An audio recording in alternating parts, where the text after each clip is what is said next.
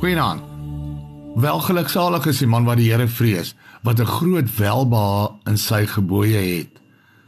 In die boodskap vertaal hierdie vers van Psalm 112: Die gelukkigste mense op aarde is hulle wat groot respek vir die Here het, wat met blydskap luister na alles wat die Here sê.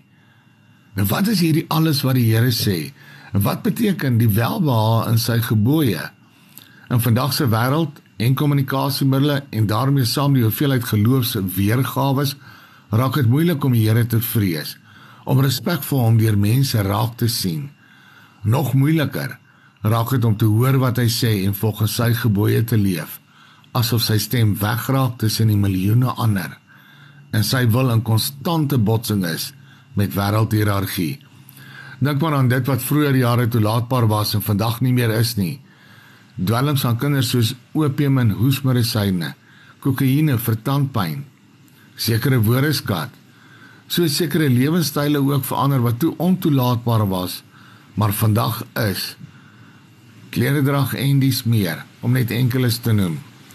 'n Deurgangs het die gebooie van die Here gegeld en dit is as maatstaf gebruik om sy woord te gebruik, so sê die Here. Nou wanneer dit jou deurmekaar maak, begin by jou eie gesprek met die Here. Ek dink aan die liedjie van Bernice West, die Here het my mooi gemaak.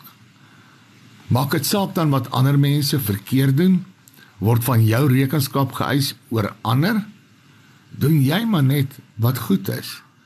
Glo jy net in jouself en dat die Here jou spesiaal gemaak het. Jy het jou doel in hierdie lewe vir hom. En sy doel met jou regverdig jou vir mooi dinge omdat hy jou mooi gemaak het.